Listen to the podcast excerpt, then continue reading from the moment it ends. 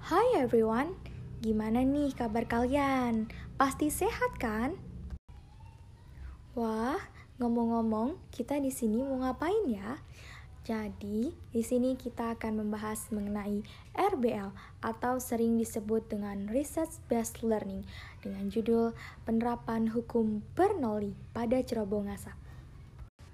Sebelum lanjut ke pembahasan, kenalan dulu yuk. Perkenalkan nama saya Anggar Jati Priyangga dengan NIM 1211485 dari Prodi Teknik Informatika.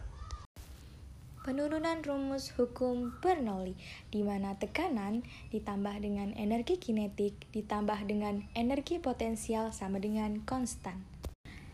Energi kinetik dirumuskan dengan setengah rho V1 kuadrat dan energi potensial dirumuskan rho G dan H1. Di mana P adalah tekanan, rho adalah massa jenis fluida, V adalah kecepatan fluida, G adalah percepatan gravitasi, dan H adalah ketinggian. Hukum Bernoulli memiliki asumsi aliran yang termampatkan atau incompressible flow dan aliran yang tidak dapat termampatkan atau compressible flow.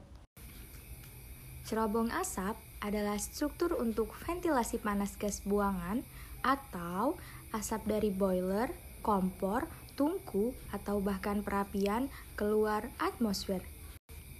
Fungsi dari cerobong asap sendiri adalah untuk menarik keluar udara dari panas proses pembakaran serta menguraikan polutan yang terkandung dalam gas buangan menuju wilayah yang lebih luas.